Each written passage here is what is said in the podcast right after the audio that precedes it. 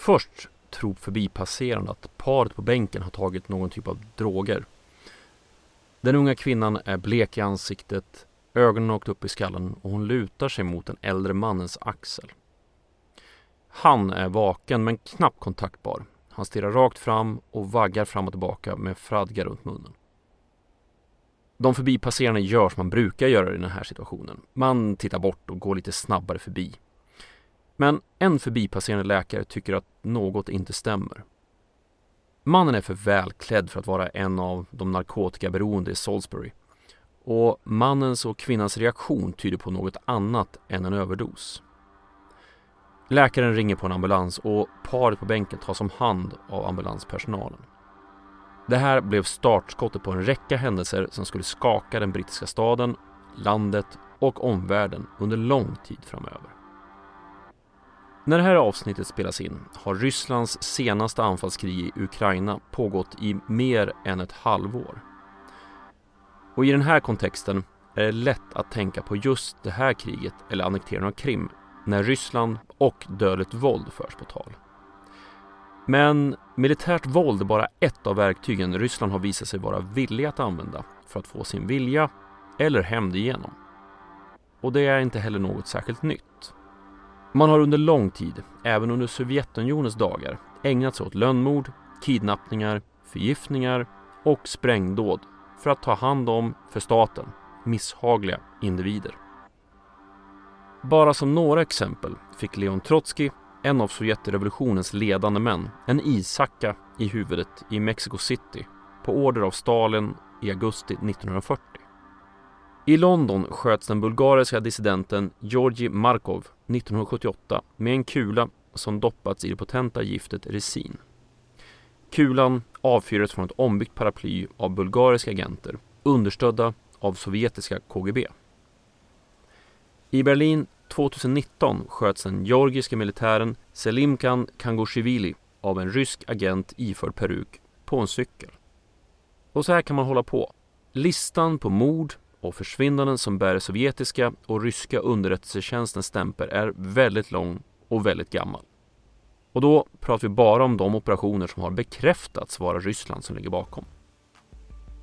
I dagens program ska vi fokusera på två fall där precis alla indicier och bevis pekar på Ryssland, men där landet slår ifrån sig och istället presenterar alternativa och mer eller mindre absurda konspirationsteorier. Så, passa på att ta dina kemiska motmedel och dra upp blixtlåset på din skyddsdräkt 701. För jag heter C. Åkerberg och ni ska vara giftigt välkomna till det här avsnittet av Kvalificerat Hemligt.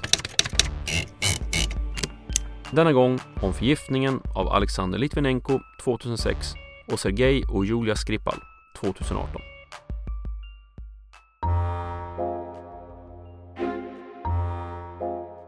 But the Murphys' wholesome, all American image was an elaborate facade. The Murphys from New Jersey were really Vladimir and Lydia Guriev, trained members of Russia's Foreign Intelligence Service. What they found were traces of gelsemium, a plant which produces a poison which is extremely rare and very hard to trace. Being so highly radioactive, it only takes a very small amount to leave a signal. Uh, for example, through the sweat in a body or uh, the outside of a container or something like that. Uh, if you are going to recklessly to use nerve agent uh, of a kind that hasn't been used in Europe uh, since uh, World War II, if you're going to do that in in Salisbury, in Wiltshire, uh, then you've got to face some some diplomatic consequences.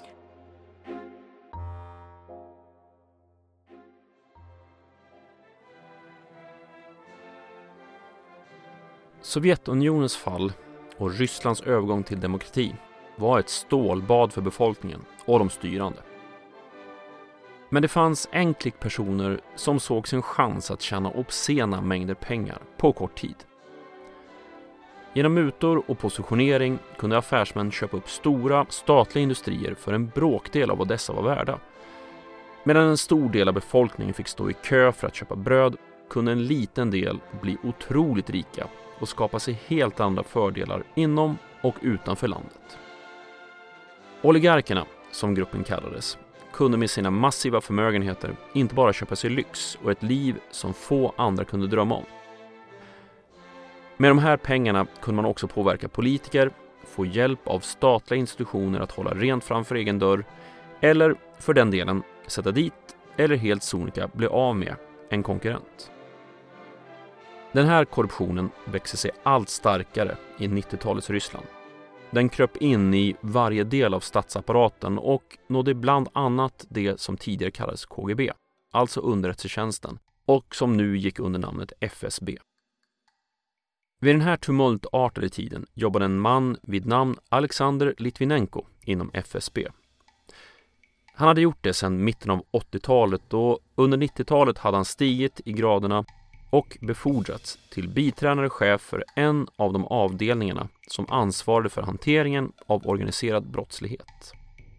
Litvinenko kunde se med eh, stigande olust hur delar av polisen och underrättelsetjänsten hade väldigt nära kontakter med ryska maffiagrupperingar. Han skrev ihop ett PM om situationen och fick till ett möte med högsta FSB-chefen Barsukov och biträdande inrikesministern Ovtjenikov för att diskutera det här fenomenet och försöka få till någon form av förändring. Men inget händer. Varken FSB eller inrikesministeriet agerar på Litvinenkos flaggning. Istället utvecklar polisen, FSB och andra myndigheter med snarlika befogenheter den här typen av affärsmodell, men med en liten twist kan man säga. Varför ska man dela pengarna med maffian när man kan ta över affärsområdet helt och hållet och behålla pengarna? Till slut får ett antal personer inom FSB, däribland Alexander Litvinenko, nog och kallar till en något spontan presskonferens 17 november 1998. Det är en speciell scen där en av officerarna har på sig en skidmask, en annan har solglasögon, medan Litvinenko är helt omaskerad. På presskonferensen presenterar man ett antal anklagelser mot höga chefer inom FSB. Männen på presskonferensen gör gällande att de här cheferna har beordrat både mord och kidnappningar av misshagliga individer. Allt för att tjäna pengar och sina egna syften. Litvinenko, han tar till orda. Vissa enheter har använts av vissa tjänstemän för egen politisk och ekonomisk vinning istället för att tjäna staten och lagen. De har också använts för att göra upp med kriminella, för att utföra politiska eller kriminella handlingar men också ibland bara som ett sätt att tjäna pengar. Man kan lugnt säga att det här tilltaget inte togs emot särskilt väl av FSB eller statsmakten. Litvinenko, ja, han stängdes av från sin tjänst och åtalades för bland annat maktmissbruk. Han sätts i fängelse i väntan på åtal men friges på grund av brist på bevis. Men så fort han är frisläppt så grips han igen. Efter ett antal månader i fängelse så släpps han igen i december 1999. Myndigheterna vägrar att säga om man lägger ner åtalet den här gången. Men Litvinenko får order om att inte lämna Moskva. Det är inte alltför avlägset att tro att Litvinenko hade vissa misstankar att eh, rättssystemet skulle användas för att fängsla honom på lösa grunder snart igen. Så i oktober 2000 packar familjen ihop det man kan ta med sig och tar sig till Ankara i Turkiet. Där ansöker Litvinenko om asyl vid USAs ambassad. Men amerikanerna visar inget intresse för honom så Litvinenko får ta sig vidare till London där han och hans familj till slut beviljas asyl i januari 2001. Efter ett tag i England börjar så Litvinenko hjälpa brittiska SIS, Secret Intelligence Service, eller MI6, som det också kanske är ännu mer känt som. Med sina kunskaper om rysk organiserad brottslighet kan han ge en detaljerad bild hur man organiserar det och hur man jobbar i olika länder. Något som också förmedlas till andra allierade till Storbritannien. Utöver arbetet med SAS utför Litvinenko också en del säkerhetsjobb åt ryska oligarker han lärt känna under 90-talet i Ryssland.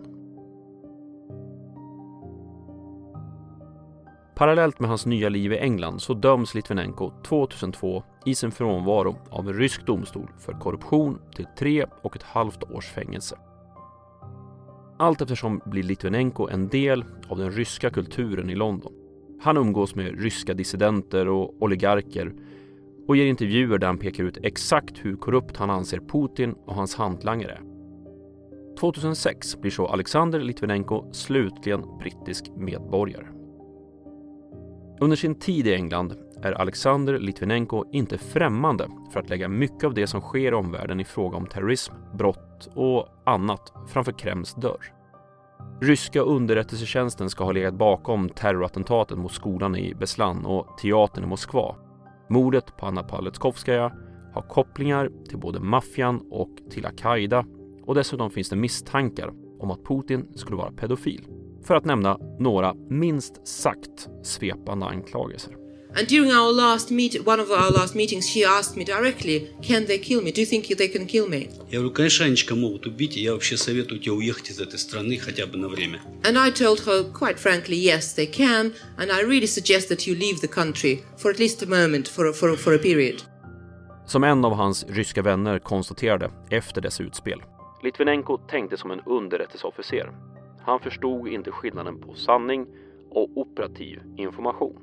Oavsett sanningshalten i påståendena är det inte alltför långsökt att tänka sig att vissa företrädare för ryska myndigheter alltmer anser att Litvinenko är ett problem för regimen. Vi tar oss fram till 1 november 2006. Det är en klar och fin höstdag i London och Alexander Litvinenko är på väg till Millennium Hotel vid Grosvenor Square för att träffa två tidigare kollegor från FSB, Andrei Lugovoj och Dmitrij Kovtun. De tidigare kollegorna har känt varandra ett bra tag och var numera inte bara affärsrelationer. Litvinenko såg männen som sina vänner. Samma kväll blir så Litvinenko sjuk. Han kräks och blir allt mer orkeslös. Först tror hans fru att han blivit matförgiftad av sin lunch på ett sushiställe men när inte symptomen släpper söker familjen vård. Två dagar efter att han har blivit dålig läggs han in på Barnet Hospital i norra London. Diagnosen är fortfarande okänd och vid det här laget har Litvinenko börjat tappa hår vilket gör att vårdpersonalen spekulerar att han ska ha utsatts för någon form av radioaktivitet. Men en mätning med Geigermätare ger negativt resultat och allt eftersom tiden går blir också Litvinenko sämre. Så här dags i historien står det klart att han blivit förgiftad men läkarna kliar sig i huvudet över vad det kan vara för något ämne som får hans organ att kollapsa i snabb ordning. Först levern, följt av njurarna och snart också hjärtat. Efter två veckor av vård vid sjukhuset transporteras han så till University College Hospital i centrala London i en ambulans med poliseskort. Även myndigheterna har noterat förgiftningen och insett att det bortom allt tvivel är en statlig aktör som vill ha Litvinenko död. Så brittiska myndigheter och underrättelsetjänst börjar nysta i fallet. Från eh, vårdhåll börjar man nu bli desperat. Man har fortfarande ingen aning om vad det är som långsamt tar död på den hårlöse och orkeslösa patienten som säger att han är en spion från Ryssland. Men även om det låter som en skröna så går det inte att bortse från den mängd besök han har av personer i strama kostymer som uppenbart kommer från en lite hemligare del av statsmakten. I ett sista försök att ta reda på vad det är för något ämne som dödar honom skickas prover tagna från Litvinenko till Aldermaston, en anläggning i Storbritannien som forskar på och producerar kärnvapen till brittiska försvaret. Där noterar man inget utöver det vanliga först. Men sen så ser man en liten markör som knappt är märkbar. En av forskarna med erfarenhet från Storbritanniens tidiga kärnvapenprogram känner igen den här markören. Det är strålning från polonium 210, en isotop av polonium. Det är ett ämne som förekommer naturligt i försvinnande små mängder tillsammans med uran. Det har en halveringstid på 138 dagar och under det här sönderfallet utstrålar ämnet alfastrålning. Alfastrålning är joniserande, det vill säga det kan skada DNA hos levande organismer. Men alfastrålning är också väldigt lätt att stoppa. Det räcker med en bit papper eller till och med hud. Men andas du in eller får i dig polonium 210 på ett annat sätt så utsätts levande celler för stark strålning och riskeras att skadas. Exakt det Litvinenko råkat ut för. Och det är här som bitarna börjar falla på plats. Den här upptäckten, ja, den kommer för sent för att ha någon direkt påverkan på den sjuka agentens situation. Tyvärr var han dödsdömd den sekund som det radioaktiva ämnet kom in i hans kropp. Men vid den här tiden är det fortfarande inte klarställt hur han fick i sig polonium. Misstankar finns, men man vet inte exakt hur eller varför. Sent på kvällen den 22 november orkar inte Alexander Litvinenkos hjärta längre och tidigt på morgonen den 23 så avlider han. Men han lämnar inte tyst och stilla. Istället skickar han direkt hälsning till Rysslands president Vladimir Putin från sin dödsbädd. Du har kanske lyckats tysta en man, men vrålet av protester världen över kommer ringa i dina öron, herr Putin, under resten av ditt Så, vad är det som har hänt? Hur kunde en före detta FSB-överste mördas inför öppen ridå i en västerländsk storstad utan att polisen har något spår att gå på? Redan när förgiftningen var ett faktum var polisen inkopplad men med upptäckten att han förgiftats med ett ämne som i stort sett bara statliga aktörer kan komma över så blev fallet inte bara ett mordfall utan också en fråga om relationen till en annan mäktig stat. Arbetet för brittiska myndigheter blir också delat på flera ledder. Dels är det en mordutredning för polisen och dels är det en fråga om folkhälsa och att skydda tredje man. Ovanpå allt detta så står det klart att mordvapnet är ett radioaktivt ämne. Så låt oss gå tillbaka lite i tiden. Vi tar oss tillbaka till 16 oktober 2006. Alexander Litvinenko träffar de två gamla kollegorna Andrei Lugovoj och Dmitrij Kovtun vid ett kontor i Mayfair. Mätningar och tester efteråt tyder på att det var här man första gången försökte förgifta Litvinenko med polonium. Men av någon anledning så klarar sig Litvinenko. Han uppgav själv att han mått lite konstigt på eftermiddagen men tänkte inte närmare på det. Det andra mordförsöket kom att bli 25 oktober när Lugovoj reser till London för att träffa Litvinenko igen. Det är oklart varför inte förgiftningen lyckades denna gång heller. Men klart är att Lugovoj gjorde sig av med polonium genom att spola ner det i badrummet på sitt hotellrum. 1 november träffas så de tre männen igen. Litvinenko, Lugovoj och Kovtun på hotellet Millennium Hotel vid Grosvenor Square runt 17-tiden. De samtalar i en lounge och efter ett tag sträcker sig Litvinenko efter sin tekopp och tar en klunk.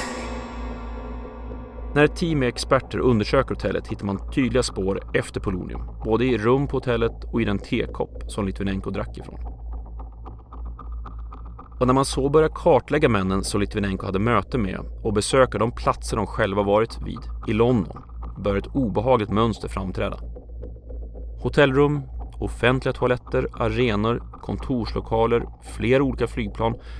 Ja, i stort sett varje plats männen varit på visar tecken på att vara kontaminerade med polonium 210. Brittisk polis påbörjar nu ett försök att få Lugovoj utlämnad från Ryssland. Men ryska myndigheter vägrar.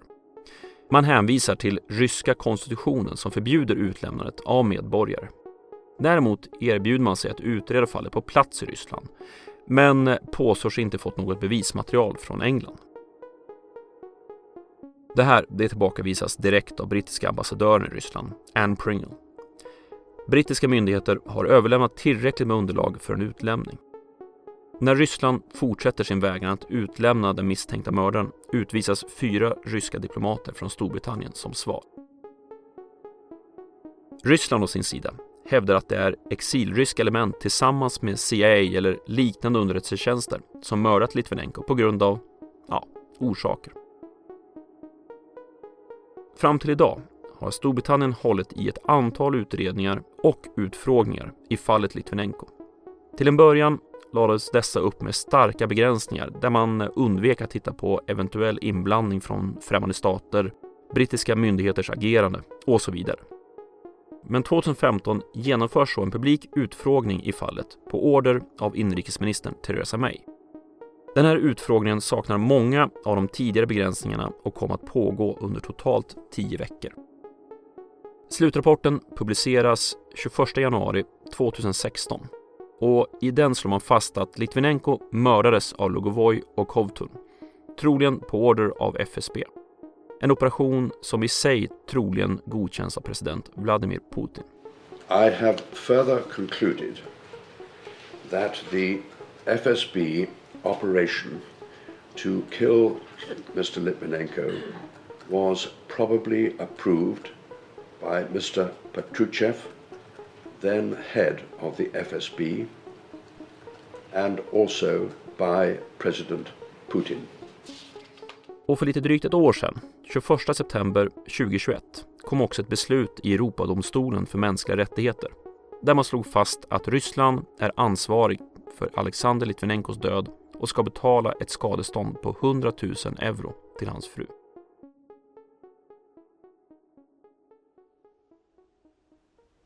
Männen på övervakningsvideon ser avslappnade ut. Rejält påklädda för att klara av den kyliga och oberäkneliga vårvädret i England. Med händerna nedkörda i fickorna på sina täckjackor småpratar de båda medan de går i lagom takt. Målet för männens promenad är ett hus vid Christie Miller Road i Salisbury. I huset bor en grånad östeuropeisk herre som ofta är borta. Så även den här söndagsmorgonen. Utan att dra någon uppmärksamhet till sig sprayar männen dörrhandtaget till ytterdörren med en vätska innan man påbörjar promenaden tillbaka till centrala Salisbury. Någonstans på vägen slänger männen sprayflaskan i en soptunna. Vi befinner oss som sagt i Salisbury, en stad på drygt 40 000 invånare i södra England som fram till 2018 mest var känd för sin katedral. Och på sätt och vis kommer katedralen att vara känd även efter 2018. Men vi tar det hela från någon form av början. Sergej Skripal var underrättelseofficeren som fram till andra halvan av 90-talet arbetade inom Rysslands militära underrättelsetjänst, GRU. På grund av eh, sviktande hälsa avslutade han sin karriär och levde ett något lugnt sjukpensionärsliv med eh, resor till sitt spanska solhus som främsta intresse. Så var det på pappret åtminstone. Men i den fysiska verkligheten hade Skripal rekryterats av brittiska underrättelsetjänsten 1995 och matade dem med information inifrån GRU och ryska myndigheter. Solresorna till Spanien bestod bland annat av möten med kontaktpersonerna inom SIS, eller ja, som ni vet MI6, som ursprungligen lyckats värva Sergej Skripal tack vare den spanska underrättelsetjänsten. Men ryska myndigheter är Sergej Skripal på spåren och i december 2004 grips han slutligen utanför sitt hem i Moskva. Och i augusti 2006 döms han av en militärdomstol till 13 års fängelse för högförräderi. Inte mycket händer efter det. Som brukligt är med underrättelseresurser kommenterar ingen part situationen. Men 2010 kom Skripal att hamna i medias blickfång för tillsammans med tre andra dömda ryska spioner ingick han i en grupp som använde i ett utbyte med USA och Storbritannien. För på andra sidan Atlanten hade USA gripit tio ryska medborgare som under täckmantel jobbat med underrättelseinhämtning i USA under längre tid. Den här gruppen har döpts av justitiedepartementet till Illegals Program. Och ja, det finns material här för ett helt eget program i sig. De här grupperingarna används som sagt i ett utbyte mellan länderna på Wiens internationella flygplats. De ryska och amerikanska spionerna passerar varandra ute på plattan i den gassande sommarvärmen på väg mot de respektive flygplanen och friheten. Men planet med de spioner som är på väg till USA tar en lättare omväg förbi England och en RAF-bas i Oxfordshire där man lämnar av Sergej Skripal och en till av de ryska spionerna. Efter debriefing och sedvanlig administration bosätter sig så Skripal slutligen i Salisbury. Vi rör oss framåt i tiden och är där programmet började. Till söndagen 4 mars 2018 med en frånvarande äldre man och en medvetslös yngre kvinna på en parkbänk mitt i vårsolen. Det är Sergejs dotter som är avsvimmad bredvid honom. Hon flög in till England från Moskva dagen innan. Och under söndagen har paret varit på lunch vid tvåtiden på restaurang Zizi i centrala Salisbury och man var klar runt halv fyra. En trekvart senare kommer larmsamtalet. Det står klart förhållandevis omgående att paret som sagt inte är missbrukare utan de tycks ha fått i sig något. Men frågan är vad? Paret tas i varsin ambulans till Salisbury District Hospital för behandling och vidare utredning. Och ganska snart står det klart att det Julia och Sergej utsatts för inte bara är en vanlig drog, som till exempel fentanyl som var första misstanken, utan något klart värre och som kan ha kontaminerat delar av Salisbury. På måndagsmorgonen den 5 mars meddelar vården i staden att man går upp i stabsläge och strax därefter meddelas att man nu har startat en samordningsstab mellan flera myndigheter under namnet Operation Fairline. I Salisbury har man spärrat av bland annat restaurang Sisi och parkbänken där paret Skripal hittades. Men budskapet till invånarna är ändå att det inte finns skäl till panik och att risken för att utsättas för någon fara är väldigt låg. Medan vården kämpar med att rädda Julia och Sergej Skripals liv pågår en utredning om mordförsök. När det står klart att Sergej är en före detta underrättelseofficer är det svårt att inte dra paralleller till förgiftandet av det här programmets första offer, Alexander Litvinenko, 11 år innan. Samtidigt som sjukvården jagar svar börjar en polisman, Nick Bailey, som gjorde ett första besök i Skripals hus på kvällen 4 mars, att må riktigt dåligt. Först trodde han det bara var stress, men när han knappt kan stå upp dagen efter tas han in på sjukhus. Och ganska snart står det klart att han drabbats av samma typ av förgiftning som Sergej och Julia. I det här läget, tisdagen den 6 mars 2018, tar så brittiska polisens kontraterrorismenhet över utredningen från den lokala polisen. Samtidigt har brittiska arméns center för kemiska stridsmedel, Porton Down, börjat analysera prover från paret Skripal och polisman Bailey. Och snart har man ett svar på vad som förgiftat de tre. 12 mars förklarar premiärminister Theresa May att medlet som användes i Salisbury var ett nervgift som gick under namnet Novichok och att det endast var en aktör i världen som kunde ligga bakom mordförsöket. Nervgifter är en typ av kemiska stridsmedel som fungerar genom att påverka nervsignalerna, eller snarare överföringen av nervsignaler. Lite förenklat kan man säga att den här typen av medel förhindrar nedbrytningen av en substans som förmedlar nervsignaler. Istället fortsätter signalerna genom nerverna obehindrat och helt okontrollerat. Det leder till muskelkramper, andningssvårigheter och, i tillräckligt stor dos, död. Novichok är ett samlingsnamn för fem olika nervgifter inom samma familj som Sovjetunionen och sedermera Ryssland tog fram under 70, 80 och 90-talet. So the Novichok agents are a, a, a, group of agents. We call them fourth generation chemical weapons, and they were developed by the Soviet Union in the 1980s. Uh, sarin and VX are third generation chemical agents. This is a more advanced fourth generation agent, and it's more lethal. It's about at least five times more deadly than VX, which is one of the most deadly chemical agents. Syftet med ytterligare en omgång nervgifter var att dels hitta en sammansättning som inte västs provtagningar kunde identifiera. Giftet skulle också vara mer potent än gamla vapen som soman eller sarin till exempel. Olika bedömningar gör gällande att beroende på underkategorier av Novichok så är dödligheten av ämnet mellan 5 000 och 10 000 vuxna individer per gram ämne. Slutligen så var dess kemiska struktur så pass annorlunda jämfört med tidigare nervgifter som omfattades av internationella avtal så de behövde inte redovisas för internationella organisationer. När brittiska myndigheter väl blir medvetna om vidden och allvarligheten i mordförsöket påbörjas ett arbete med att spåra de som kan ha kommit i kontakt med ämnet, utöver de som är inlagda på sjukhus, samt att sanera de delar av Salisbury där man har hittat spår av giftet. Polisens arbete med att identifiera den eller de som misstänktes för mordförsöket går trögt. Det rapporterades i april att man hade identifierat en misstänkt man, men det visade sig vara felaktigt.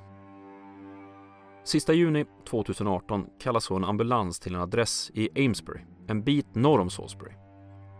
Dawn Sturges, 44 år gammal, har kollapsat av okänd anledning.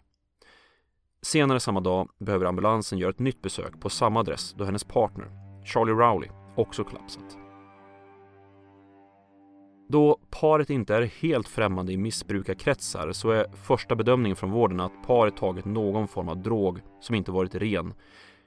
Men den hypotesen läggs snart åt sidan. För det man ser är att både Dawn och Charlie är förgiftade av samma ämne som Skripals.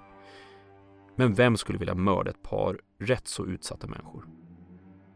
Svaret är att det inte är en riktad handling. Istället hade Charlie hittat sprayflaskan med Novichok som användes på Skripals, som mördarna gjorde sig av med någonstans i Salisbury. Han trodde att det var en parfymflaska som han hade fyndat och tog med den hem till Dawn som parfymerar sig med en, två duschar av det döda nervgiftet. Drygt en vecka efter att hon lades in avlider Dawn av förgiftningen medan Charlie överlever och skrivs ut från sjukhuset 20 juli. Och i och med detta var det slut på direkta offer för giftet Novichok i Salisbury. Under hela den här perioden har brittisk polis jobbat med fallet och försökt ta reda på vem eller vilka som låg bakom förgiftningen. När det står klart att det var ett avancerat nervgift som använts så var det få som inte trodde att Ryssland låg bakom attacken.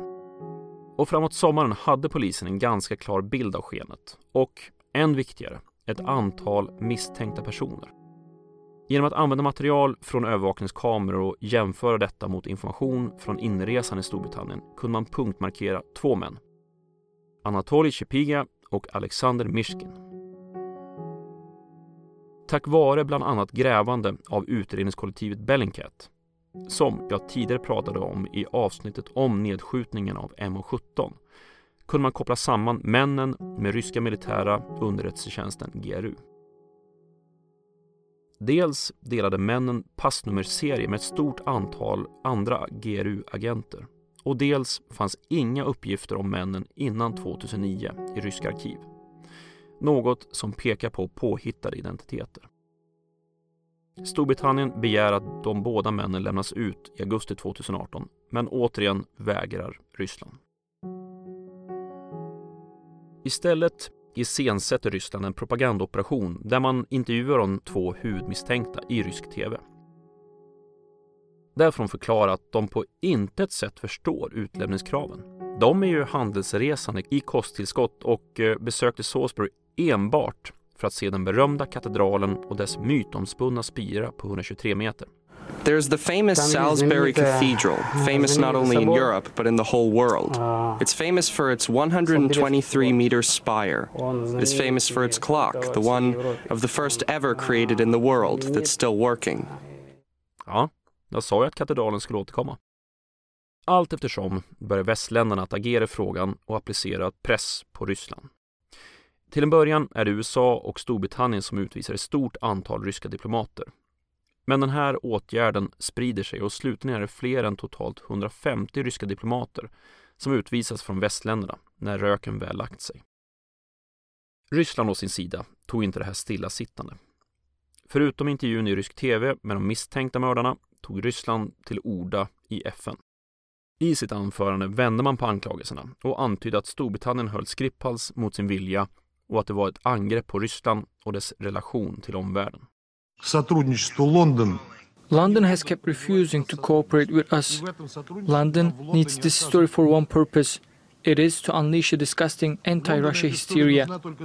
The number of inconsistencies and unresolved issues in connection with the new British so called evidences are off the chart. Sergej och Julia Skripal tillfrisknade efter ett antal veckor på sjukhus. Och med tanke på säkerhetshotet mot Sergej Skripal så har far och dotter omlokaliserats. Uppgifter gör gällande att de idag bor någonstans på Nya Zeeland. Få seriösa debattörer, om någon, ifrågasätter idag Rysslands ansvar i mordet på Alexander Litvinenko och mordförsöket på Sergej och Julia Skripal. Få seriösa, men internets undervegetation har under alla år hävdat att mordet och mordförsöken kunde kopplas till västerländska underrättelsetjänster, russofobiska stater eller till och med enskilda aktörer som till exempel den ständigt närvarande George Soros. En inte oansenlig del av dessa påståenden fördes fram direkt av ryska företrädare och rysk media. Men det här beteendet, att skapa konspirationsteorier för att blanda ut diskursen, faller in i ett större mönster i fall där många misstänkta dödsfall eller direkta mord kan kopplas till individer som Ryssland funnit misshagliga. Men inte bara mordförsök. Till listan kan läggas ett antal väpnade angrepp och direkta ockupationer av andra nationers territorium. I många fall förnekas inte bara incidenter och angreppen av ryska företrädare. Man framför mer eller mindre absurda konspirationsteorier som istället pekar ut Rysslands upplevda fiender och russofobiska strömningar som de egentliga skyldiga. Som en bizarr form av projiceringar, om man så vill. Några exempel på detta är förgiftningen av Alexej Navalny 2020, mordet på den georgiska militären Selimkan Kangoshvili i Berlin 2019, mordet på Boris Netsov i Moskva 2015 och mordet på Anna Politkovskaja 2006 i Moskva. För att inte tala om direkta militära aktioner. Kriget i Georgien 2008, nedskjutningen av MH17 2014, annekteringen av Krim 2014 och nu anfallskriget mot Ukraina och dess påstådda nazistiska ledning i februari 2022. En ständig följeslagare till Rysslands agerande har varit just konspirationsteorierna, både som förklaringsmodell och som vapen. Och det har haft viss effekt.